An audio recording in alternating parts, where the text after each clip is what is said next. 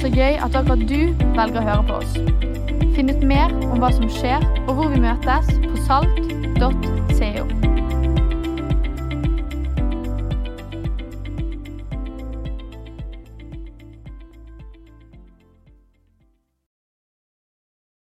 Så fint. God søndag, alle sammen. Ja, Det var bra. Takk for det. Hører deg. Hører deg. Det er Daniel, hvis du aldri har møtt meg før. Jeg heter Daniel hvis du har møtt meg før også. altså. Men eh, det er jo fint med dad jokes for å starte dagen. Alle Tentro-elevene lurer på hvem i all verden er det som står her og skal prøve å være morsom de neste minuttene. Ikke bare det jeg har lyst til å prøve på. Jeg vil prøve å si noe vettugt også. Jeg er askeværing. eh, Bor på Os. Gleder meg som en eh, unge til at den nye veien åpner. Jeg, tror den 31. oktober, når den veien åpner Jeg kommer til å bare kjøre fram og tilbake hele natten. Jeg bare planlegger det. Du finner meg et sted mellom Lagunen og Osøyro. Eh, Det blir min, min natt, bare for å feire seks år med pendlerliv. altså. Men da gleder jeg meg også til å kunne invitere eh, folk. Jeg har en svoger som har flyttet til eh, Os, oppe i gaten. Han sier at vi hadde så mange venner i Bergen. Ingen av de gidder å komme ut på landet for å besøke oss. Så han gleder seg også, ikke bare til eh, kortere pendleravstand inn til jobben, men endelig er det noen som gidder å komme på besøk også der ute. Du, For en helg det var forrige helg med Saltkonferanse. Det er mange inntrykk, mange ting å feire, mange ting å være glad over. Og så er det en ting som alltid er sånn besynderlig med oss mennesker. At noe vakkert skjer. Vi er på en eller annen læringsopplevelse eller møter, eh, møter en annen type inspirasjon. Og så oppstår det som seminarsyndromet. Så det jeg har lyst til å starte med å utfordre på, eh, det der med å ikke være så rask med å glemme de tingene som gjorde inntrykk på deg. Eller de tingene du satt igjen med hvis du var på konferansen som var en aha-opplevelse, en læring, en tanke du hadde om en samtale du ville ta, et initiativ du ville gjøre, et eller annet som du kjente at var riktig i øyeblikket. Ikke la det gå tapt. Det er lett for oss alle, og jeg står jo her og skal si noe nytt. Så det første jeg sier, ikke glem det du allerede har blitt minnet om. Hvis du var på konferansen og kjente at det var noe som nappet i hjertet, så står jeg her og så sier jeg, ikke glem det Gud allerede har snakket til deg om. Det er verdt å ta den samtalen, det er verdt å gjøre det initiativet, det er verdt å legge opp den vanen, det er verdt å gjøre den satsingen, det er verdt å gi den gaven, eller hva enn det var du kjente at ga mening i det øyeblikket. Husk på det. Sånn, vi er ikke en kirke som bare har lyst til å bevege oss fra øyeblikk til øyeblikk og har bare en gigantisk frontrute og et lite bakspeil. Vi må se bakover hva Gud allerede har sagt, og den trofastheten han har vist. Og så kan vi gå stødig inn i nye ting også. Jeg har lyst til å snakke om å gi det videre, men gjøre en liten sånn spinn av en edition på det. Snakke om å gi det videre og snakke om godhet. Men jeg har lyst til å starte med rett og slett et eh, helt basalt spørsmål. For det treffer jo Tentro-elevene, men det kan jo treffe oss alle i løpet av et liv når vi skal svare på sånne enkle spørsmål. Hva er en kirke? Hvis du blir tvunget opp i et hjørne og måtte forklare det for noen på jobben eller noen i, i, eh, på studiestedet, hva er en kirke? Hva er menighet for noe? Hvordan ville du svart på det i sin helt enkle form? En måte er å gå til Bibelen og begynne å snakke om liksom, hvilke bilder eller metaforer som ligger i Bibelen. Hva er det som står der? Jo, Da snakker jo Bibelen om at menigheten det er Guds folk. Altså Det er ikke bare hvem som helst av en folk, flokk med folk, men det er Guds folk. Det er Han som har kalt ut noen mennesker, og kalt de sine og sagt at dere er mitt folk i denne verden. Det er en måte å forstå oss sjøl på. Det er en måte å forstå kirke på. Så fortsetter Bibelen å snakke om at kirken det er Den hellige ånds tempel. Altså, Det er der Den hellige ånd bor. Ikke i et hus, ikke i et forum, det er ikke det jeg mener, men blant de menneskene som kaller, kalles et fellesskap, som kalles en kirke. Der bor Den hellige ånd. I tillegg til at han bor på innsiden av hver enkelt som tror, så bor Den hellige ånd. Den hellige ånds tempel er kirken. Eller det som du kanskje aller raskest hadde svart hvis jeg tipper, det er at kirken er Jesu kropp.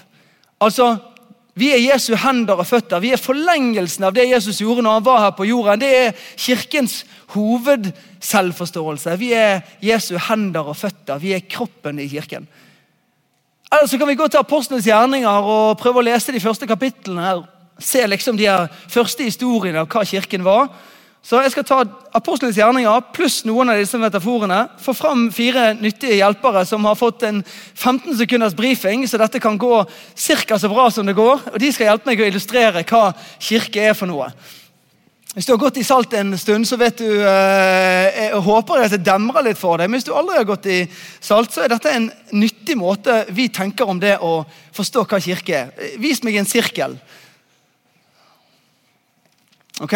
Første forsøket til disse fire på å danne et fellesskap eller konstituere hva er det å holde sammen eller være kirke, det er å danne en ring sånn som dette. Det ser utrolig koselig ut. Hæ? Dette er Frode sin smågruppe. Hver eneste onsdagskveld sitter de der og holder hender vet du, og, og, og kjenner at eh, tekoppen Jeg var på en smågruppe en gang. Da var det nesten så vi følte oss presset til dette. For hun konen som hadde lagt opp til denne smågruppen, hadde plassert så mye puter, så mye te så mye rosa kopper og så mye hvetebakst at vi gutter følte oss fullstendig liksom, Nå sitter bare og holder hender og bare kjenner på hvor fint det er å være sammen her. Men Vis meg en annen sirkel. og Hvis dette her blir på en måte litt sånn innadvendt ja, ok, ja. Kirke kan ikke bare være at vi ser innover, men nå føler jeg at det ble litt sånn at dere gikk i en grøft. Nå ser dere utover. Det er jo kjempefint. Det er jo en av kirken sine viktigste oppgaver, men vi kan ikke se forbi hverandre. Vi har jo lyst til å være sammen om oppdraget. Så jeg ga dere en 15 sekunders hint, så det kan jo hende dere klarer. Vis meg en tredje sirkel, da. Å, se på denne her gjengen her. Hæ?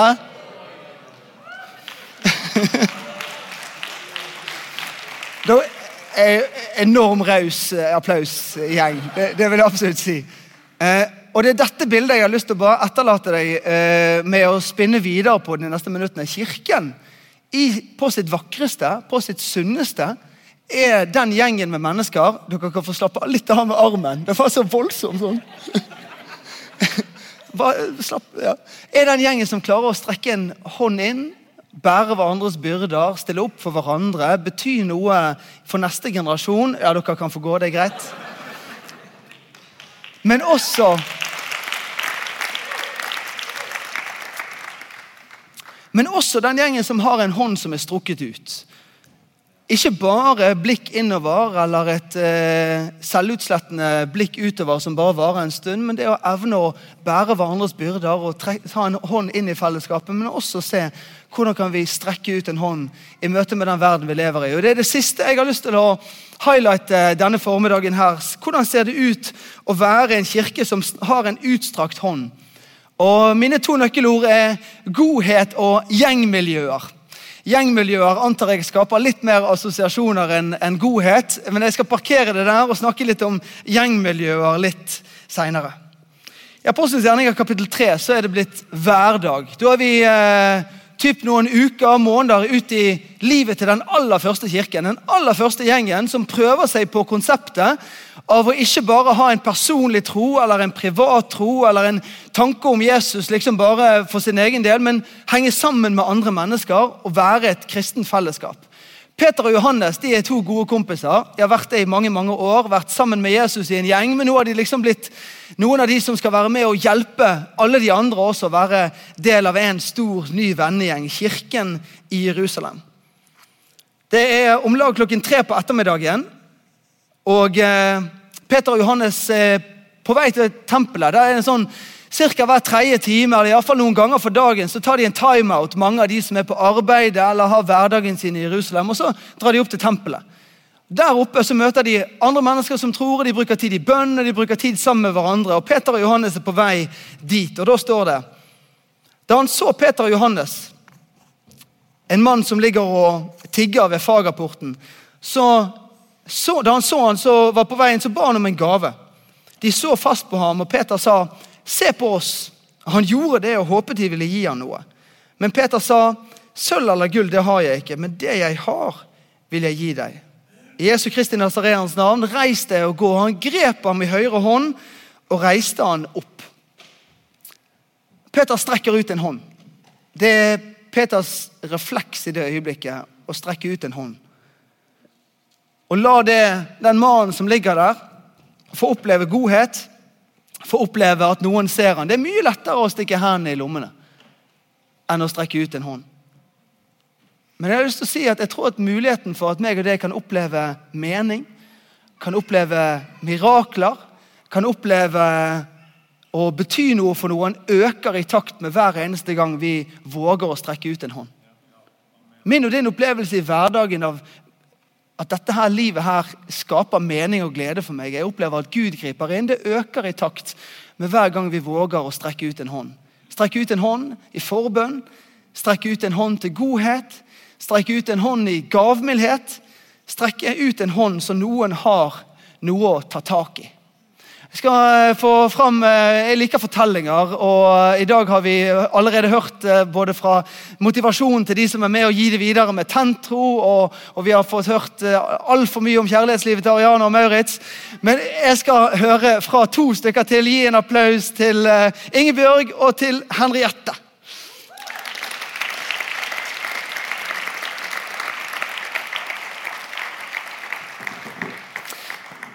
Snakke litt om uh, godhetsarbeid. Uh, og uh, det å Nå følte jeg meg veldig alene her. Så jeg tenkte ok. Ja, dere prøvde dere på den? Ja. Nei, der har Jan Eggum blokkert fullstendig med alt greiene sine. Det går ikke i det hele tatt. En natt forbi. Starta her et show i Forum. Jeg fikk ikke med meg Dagfinn Lyngbø. Det var utrolig skuffende. Han var her i to år. Og jeg tenkte alltid jeg tar det neste uke skjønte jeg i går at nå, neste uke blir aldri. Jeg får se det som kom på TV. Eh, jeg skal klare Jan Eggum, men ikke den døren. ikke den veien der. Eh, dere har til felles at dere, eh, dere, er fine folk som er glad i å bety noe for andre. Du kommer jo rett fra barnekirken, Ingebjørg. Er der oppe. Ta en liten timeout her nede med oss. Henriette, Vi har hatt et engasjement sammen for det å skape muligheter i India. Ingebjørg, du har eh, for noen år tilbake hatt et engasjement med For Freedom, det som i dag heter Hope for Justice, som er Salt sitt uh, uttrykk for det å være engasjert med uh, kampen mot moderne slaveri. Ingebjørg, kan du si litt først, hva er, hva er, denne kampen mot moderne slaveri, og hva var det som gjorde at du engasjerte deg back then? Eh, ja. Nei, jeg syns jo det er forferdelig å tenke på at det faktisk i dag finnes flere slaver enn det det fantes for 1000 eller 2000 år siden i verden. Eh, og det å vite at eh, det fins mennesker som ikke er frie, sånn som oss, som eh, har blitt tvunget til å Om det er sexarbeid, eller om det er en annen type for, mm, for slaveri. Barn som må jobbe på fabrikker. Mm. Altså, det er noe som Det er nesten helt vanskelig å forstå for oss. da. Mm. Og når man liksom ser at ja, det fins, Eh, så tror jeg jeg følte, da var jeg student, jeg begynte å engasjere meg i det, at her må man jo gjøre noen ting. Eh, og når, da, når man ser at det faktisk går an å gjøre noe, da blir man jo enda mer engasjert og ser at oi, det funker faktisk. Hva ble den konkrete måten du fikk engasjere ja. deg? Ikke bare i dette voldsomt ordet, men litt sånn konkret for din del. Ja. Eh, mange her har jo slitt seg rundt Lille Lungårdsvann i, i, flere runder, mange år, på det som vi kalte for 'Running for freedom' som vel nå kanskje heter eh, Running for Justice. Eller ja, i hvert fall de siste årene så har det jo da gått inn i Hope for Justice. Eh, jeg har også hatt noen runder rundt der, men ikke sånn veldig mange. Fått ungene til å springe noen runder òg. Eh, men da jeg var i mammaperm, så fikk jeg mulighet til å være fadder for en person som da var redda ut av menneskehandel her i byen. Eh, og kjempefint å være med å samle inn penger når vi samler inn sånn 500 000 og sånn. Sant? Da ser du oi, vi kan gjøre stort og masse. Men det å da kunne til og med også se at oi, det går an å gjøre noe her, én til én, hjerte til hjerte. Eh, det ja, det syns jeg var veldig, veldig stort, veldig fint å få lov til. Eh, så det var eh, ja, en person som Hvordan så det ut i ja, hverdagen, og hva gjorde det med deg? Eh, Eh, denne personen var jo da på krisesenter eh, og kom fra et land utenfor Norge. Eh, så jeg fikk lov til å komme dit og bli litt kjent med henne da. Eh, og så eh, begynte vi etter hvert å gå litt turer. Kunne kjøre litt av gårde. Og det var, det var egentlig en fin ting når man er i mammaperm, for at kanskje du skal trille den vogna likevel. Eh, og det å da kunne ha henne med på en sånn trilletur, mm. det var veldig fint. Mm. Um, og så kan det jo være litt språkbarrierer og sånn, uh, og det var det nok. Men uh, det ble en ekstra stor opplevelse for meg når hun da sånn Det at jeg hadde mitt, mitt, lille barn der, og hun fortalte at hun hadde et barn hjemme i sitt land. Um, som hun uh, ja, ønska å jobbe for, gjøre det hun kunne for, for at skulle ha et, en trygg, trygg oppvekst. Og som hun selvfølgelig savna. Og det å bare vite at oi, vi er faktisk i samme situasjon. Vi har barn som vi elsker begge to. Men vi har fått så forskjellige kort utlevert i verden her eh, på jorda. Eh, og hun eh, Jeg får leve i frihet, og hun fikk ikke det, men var heldigvis redda ut nå, da. Men det satte virkelig ting i perspektiv.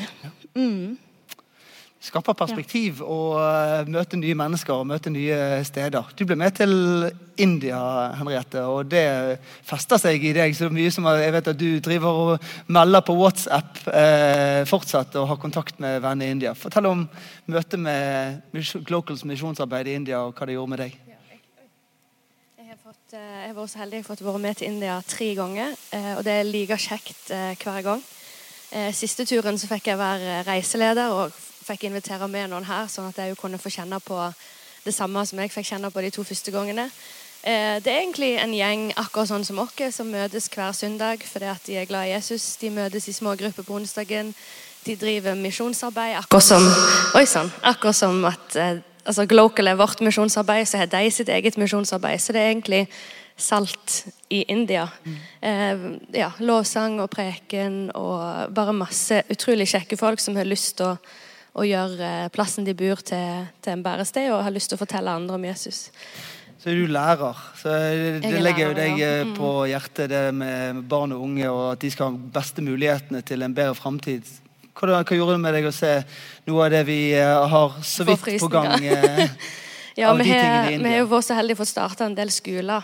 Og det, det, er det som treffer meg mest når jeg reiser ned. og for å se unger fra små landsbygder som får lov til å komme til et menighetslokale som blir gjort om til en skole. Eh, at de har en lærer som lærer de alfabetet. At de får, eh, ja, de får eh, fysisk aktivitet. De får kanskje rent vann, altså lære om helse og ta vare på seg sjøl. Da kjenner jeg at da, da dirrer det ekstra. ja. Og jeg håper så at vi får til å starte enda flere eh, skoler. Jeg vet at de Gladwin og Reise de reiser jo ganske langt ut på bygda. og Der er, jo, der er barn og unge overalt, så jeg håper vi her, kan starte enda flere mm. skoler. Mm. Jeg òg. Ja. Tusen takk, begge to. Veldig fint.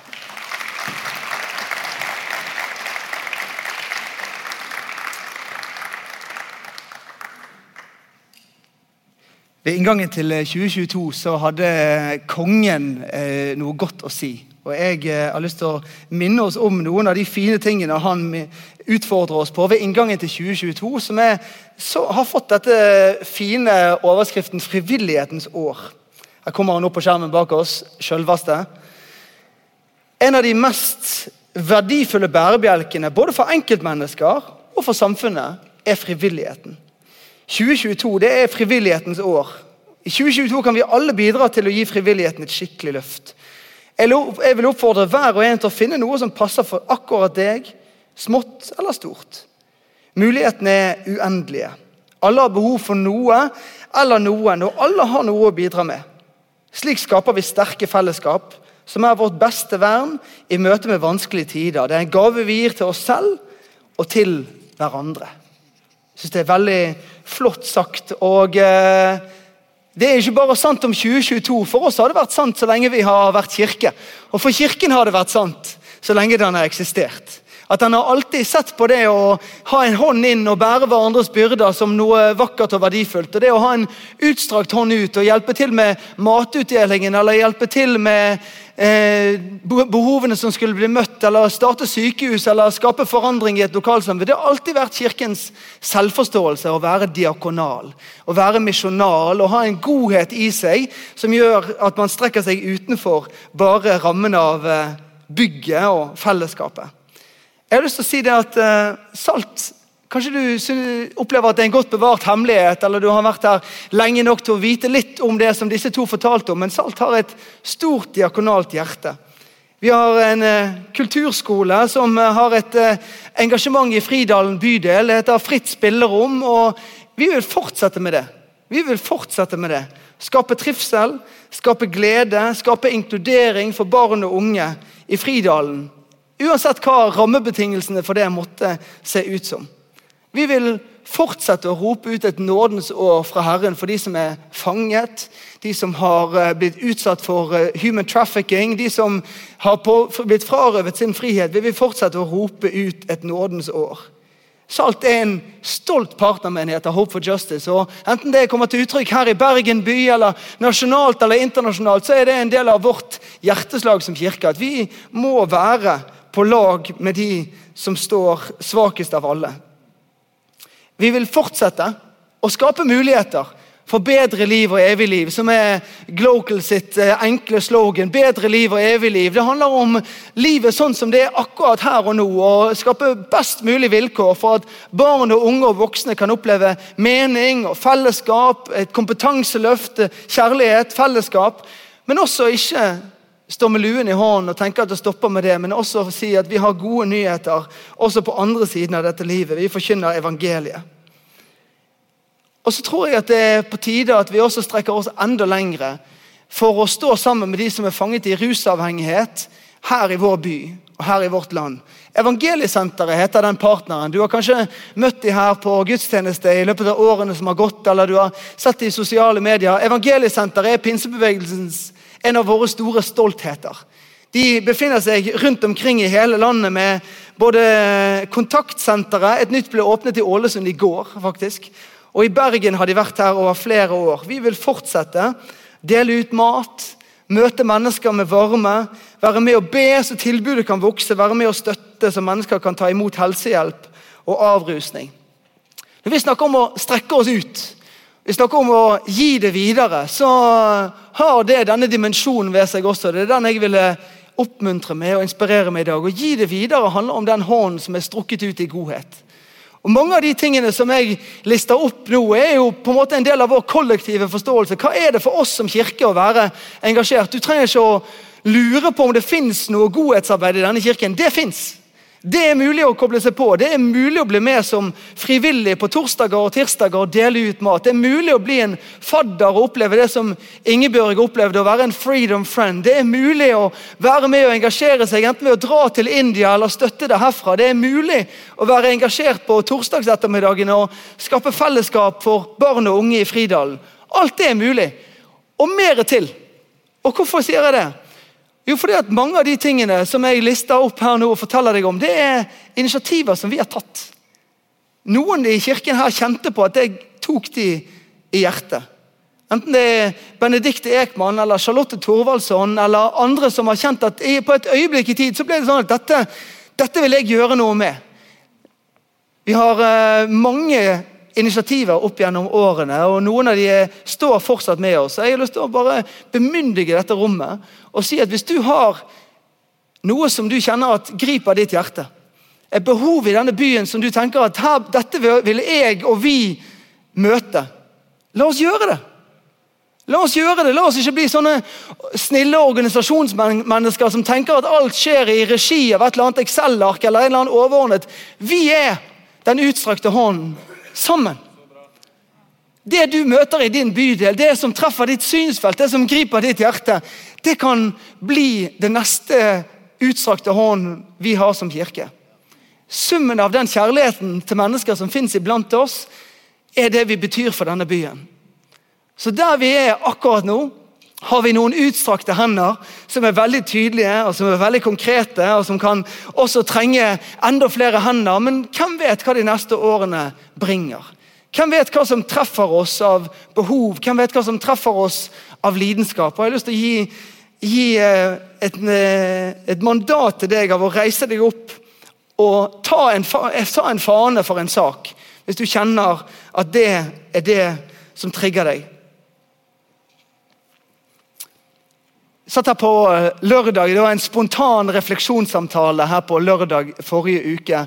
Øystein hadde spurt meg og et par andre ekstroverte tenkere eh, til å komme opp og si noe på sparket. Det sitter langt inne noen ganger. For meg sitter det kanskje litt for kort inne. Jeg, jeg kan tenke litt mer før jeg snakker. Vi satt her, og så spurte Øystein spørsmålet hva er det som rører seg i deg. Hva, hva liksom tenker du at kunne endret seg i kirken vår i lys av det vi har tatt med oss fra Linde Andanar, fra Solveig og fra Egil og fra ting som har skjedd i inspirasjon og undervisning i denne konferansen. Og Det som dukket opp i min tanke da, har jeg gått og grunna litt på gjennom uken også. Forventer ikke at du husker hva jeg sa, så la meg si det en gang til. Det å gi det videre, det å ha et hjerte for denne byen, enten det handler om eh, noen av de tingene jeg nettopp har fortalt, eller noe helt nytt, det er også noe vi kan gjøre sammen. Jeg husker tilbake i en jul for et år siden. Da hadde vi eh, en julefest for Evangeliesenteret. Det er den årlige liksom, store julefesten der de inviterer alle de de har kommet i kontakt med i løpet av året, til en sånn heidundrende julefest nede i Lille Øvregate. Og der, Det fortalte vi om gjennom oktober og litt ut i november og desember. Og når eh, vi 8. desember arrangerte denne julefesten, så var det en herlig gjeng fra Salt som var med og sto i bresjen for det. Det var substanselever, det var studenter som hadde ekstra tid, det var voksne folk i kirken. og de, Noen av de møtte hverandre for aller første gang på den julefesten. 'Å ja, hei, du går også i Salt.' Jeg trodde du så ut som du var en av de som skulle komme. Nei, det var ikke det, ingen som sa det. Men det var komisk og vakkert at noen som delte menighetsfellesskap, og som eh, opplevde å ha dette som et hjem hver eneste søndag, plutselig fant hverandre i å strekke ut en hånd sammen der nede. Og Det ble den doble gleden av den dagen. Det å strekke ut en hånd handler ikke om en sånn hyperindividualisme eller aktivisme der vi på hver vår kant skal liksom forsøke å redde verden eller gjøre den til et bedre sted. Det handler jo om den gjengen som står sammen i å gjøre godt. Og Det er gjengmiljøer jeg har lyst til å zoome inn på de siste minuttene her, og snakke om dette som ikke bare er en sånn oppfordring til personlig godhet, men å snakke om det som et uttrykk for godhet gjennom oss som fellesskap. Se på denne gjengen her. Eller det vil si gjengen og gjengen. De er oppløst. Eh, gjengmiljøet i Oslo forteller eh, politisjefen at det er oppløst. Holmlia-baserte gjengen Youngbloods har vært en plage på Oslo-huset i årevis. Nå mener politiet at gjengen er oppløst. Likevel frykter de nye uromomenter i Oslos kriminelle underverden. tenker du, Hva i all verden er det jeg vil med dette? Gjengmiljøer. Et gjengmiljø har jeg alltid vært veldig fascinert av. Spesielt kanskje hvis de er italienske. Eller i, sånn i Chicago på 1930-tallet. Da blir jeg veldig fascinert av gjengmiljøer. Hva er det som gjør at disse gjengene oppstår? Hvordan holder de tett sammen? Hva kan de utrette? Dette her er pøbler som eh, man håper at blir eh, oppløst. og Denne gjengen her ble oppløst eh, fordi noen av nøkkellederne ble fengsla. Eh, hvordan blir gjenger oppløst? Hvordan opplever man å miste momentum?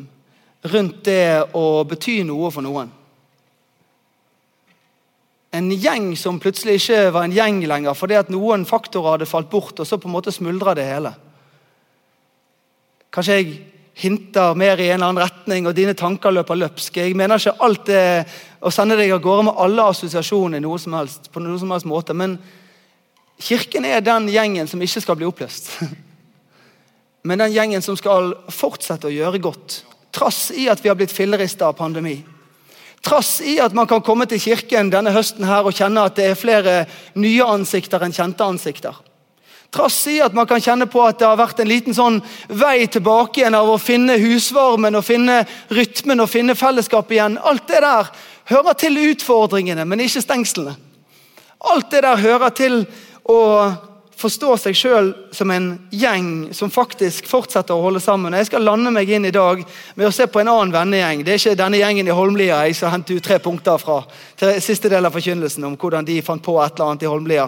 Vi skal gå til en annen vennegjeng som vi finner i Lukas 5. De er en vennegjeng jeg lar meg inspirere av. En dag holdt Jesus på med å undervise, står det i Lukas 5. Det satt fariseere og lovlærere der som var kommet fra alle landsbyene i Galilea og Judea, fra Jerusalem. Jesus hadde Herrens kraft så han kunne helbrede, og det kom noen menn som bar en lam mann på en båre. Her er vennegjengen. De forsøkte å bære han inn og legge han ned foran Jesus, men fordi det var uråd å få han inn pga. trengselen, så gikk de opp på taket, fjernet noen takstein, firte han ned på båren midt foran Jesus. Jeg liker denne vendingen. La meg dele tre korte avslutningsperspektiver fra hva det betyr å være en sånn type vennegjeng. De er for seint ute til festen. Jesus har blitt en populær mann. Huset er allerede stappfullt. Det er for mange folk rundt omkring Jesus. Og så har de en, likevel en desperasjon i seg. De har en kamerat som vi bare får høre at er lam, og de bærer ham på en båre. og Da går mitt bilde med en gang til en båre der det liksom er fire stykker som må bære. Og han ligger på der. Vi har med fire kamerater å gjøre, og en mann som ligger der og er sjuk. Kanskje de hadde erfart Jesus i sitt eget liv, det vet jeg ingenting om. Kanskje de hadde bare observert Jesus gjøre mye godt, og de tenkte at her var løsningen. Vi må få kameraten vår i den retningen. Og Så kommer de dit, og så er det stappende fullt. Da er det jo lett å bare tenke ja, ok, da var det, stikker vi hendene i lommen. Hva kan vi gjøre med det? Det var ikke plass. Det var ikke mulig. Det var ikke penger, det var ikke tid. Det var ikke beleilig. Det var ikke Alt lå ikke til rette. Vi stikker hendene i lommen og tenker vi får se om det går neste sving. Men det fine de gjør, som jeg syns er verdt å la seg inspirere av, denne gjengen min. Det er det de legger ned av kraft, av kreativitet og kjærlighet de neste minuttene av dette øyeblikket. Det står at de går opp på taket, bærer han opp i huset og bedriver hærverk i Jesu navn. Det vet at det er ingen, eh, og, og, no, ingen her som skal lage hull i noen av disse takene eller andre tak. Det, jeg går ikke helt dit. Men det krever, det krever et krafttak noen ganger å vise godhet. Det å strekke ut en hånd det kan være å gjøre et krafttak. Det kommer ikke alltid gratis, men det å bruke kraften sin for at andre skal oppleve godhet, det er meningsfullt. Å bruke energi, bruke tid. Og så er det så fint da, at De står ikke der alene. Det er ikke én kar som bærer vennen sin opp på taket alene og står der og hamrer, men de er fire, fem, seks stykker som er, bruker kraften sin sammen. Så setter jeg pris på kreativiteten deres. Det er lett å tenke at det var Døren var stengt. Muligheten var borte. Her var det hindringer som vi måtte eh, erkjenne at stagget dette initiativet. Men det var ikke sjans i det hele tatt. De var så kreative at de lagde en vei der det ikke var en vei. Jeg husker når vi hadde julefest en spin-off-tanke her. for Julefest året før nede hos Evangeliesenteret. Så var det midt i korona, og det var regler og det var greier. Og jeg får beskjed om at ok, men vi kan ikke invitere dem inn. Det er regler som gjør at de ikke har lov å sitte så tett, disse som kommer på denne julefesten. Ok, og jeg tenker, Hva gjør vi nå? Ber vi litt sammen, snakker litt sammen, og så ringer jeg og tar noen telefoner og prøver å finne en løsning. Og så vi, finner vi ut at vi kan pakke alle porsjonene. Ok, De kan ikke komme inn i dette huset og få maten og sitte ved bordet. Det er for tett med antall personer og meter. Men vi pakker sånne skikk skikkelig julemåltid. Sånne rause, store poser med varm mat. Vi dro og kjøpte emballasje som vi kunne putte i, og så vi, flyttet vi julefesten ut i gaten. Og Så sto vi der og så delte vi ut det som ikke kunne spises akkurat der vi var samlet, men som likevel kunne bli en, en opplevelse av å være sett og få et varmt måltid midt i en kald desemberkveld. Kreativiteten tar ikke et nei for et nei. Kreativiteten stopper ikke bare fordi en annen rammebetingelse er endra. Kreativiteten finner nye veier. Og så er det kjærligheten som driver dem. Jeg kan ikke forstå noe annet. Det er kjærligheten deres til å hjelpe dette mennesket til et nytt og bedre liv i etterfølgelse av Jesus som er deres drivkraft. Da Jesus så deres tro, så sa han, 'Venn, syndene dine er deg tilgitt.' De skriftlige og fariseerne tenkte straks, 'Hva er dette for en?' En som spotter Gud. Hvem andre kan tilgi synder enn Gud alene? Jesus visste hva de tenkte. Han sa til dem, Hva er det for tanker dere går med i hjertet? Hva er lettest å si? Syndene dine er deg tilgitt? Eller stå opp og gå? Men for at dere skal vite at menneskesønnen har makt på jorden til å tilgi synder, så venter han seg til den lamme, så sier jeg deg, stå opp, ta båren din og gå hjem. Og Straks reiste mannen seg foran øynene på dem, tok båren han hadde ligget på, gikk hjem mens han lovpriste Gud, og alle ble helt ute av seg av undring og priste Gud. Det er heldigvis noe mer enn bare det å være gode. Eller å ha et eh, humanitært engasjement. Vi har en himmel over godheten vår, som er også iberegnet. Denne vennegjengen her eh, bærer ikke bare kameraten til Jesus i håp om at det skal skje et eller annet omsorgsfullt, men det får skje noe enda mer meningsfullt.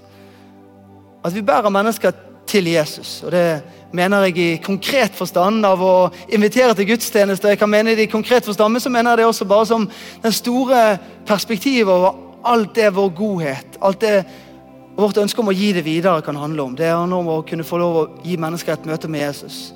Og det er det som forvandler denne mannen sitt liv. Men han trengte at det var noen som tok tak i de fire stolpene på båren og plasserte han i det øyeblikket. Der han kunne få oppleve den samtalen med Jesus som endret så mye for ham. Så vi reiser oss opp sammen. I dag er det ingen uh, call to action eller noe jeg har lyst til å utfordre deg på. Det overlater jeg til uh, den samtalen som du har gående med Gud i ditt liv. Ikke hvilke rammebetingelser du kjenner at er trange eller rause i ditt eget liv. Det handler om tid eller evner eller ressurser eller uh, opplevelse av klarhet eller tåke. Jeg har lyst til å bare be en bønn jeg. for oss alle. Jeg inviterer deg til forbønn etterpå om du ønsker det i det vi lovsang. Men be en bønn. Og at det som er smaken av vårt fellesskap, er en utstrakt hånd. Det er den kirke vi vil være. En kirke som gir videre. Takk, Herre, for uh, ditt ditt forbilde. Takk for din godhet. Takk for at du aldri skydde muligheten for å eh, bry deg om mennesker som kom din vei. For at det står at du ble, ble ute seint på kvelden og ba for alle de menneskene som hadde kommet og ønsket å ha et møte med deg. Vi vil være en sånn kirke som har tid til alle de menneskene som du sender vår vei. Jeg ber deg for hver enkelt av oss i det vi tar inn over oss store emner og store vyer og store dyder, Herre. La oss ikke bli eh, overveldet. La oss ikke bli apatiske, la oss ikke bli eh, passiviserte. Men la oss kjenne at det vekker noe meningsfullt inni oss. At det å strekke ut en hånd er noe av det beste livet kan by på. At det å skape mening og mirakler det kommer ved at vi strekker ut en hånd og ikke putter det i lommen. Jeg ber for det for mitt eget liv og for vårt liv. La oss få kjenne at det, du nøder oss til å være utstrakte hender så vil ikke vi gå forbi hverandre eller bare holde på i egen kraft. Men jeg ber om at det skal være smaken av hvem vi er som fellesskap. Jeg ber om relasjoner på tvers av generasjoner. Jeg ber om eh, kraftfulle smågrupper. Jeg ber om vennegjenger som kjenner at det gir mening og betyr noe sammen. Gi oss øyne som ser, og gi oss hender til, til å strekkes ut i godhet. Vi ber om det i navnet Jesus. Amen. Bra. Vi lovsynger sammen.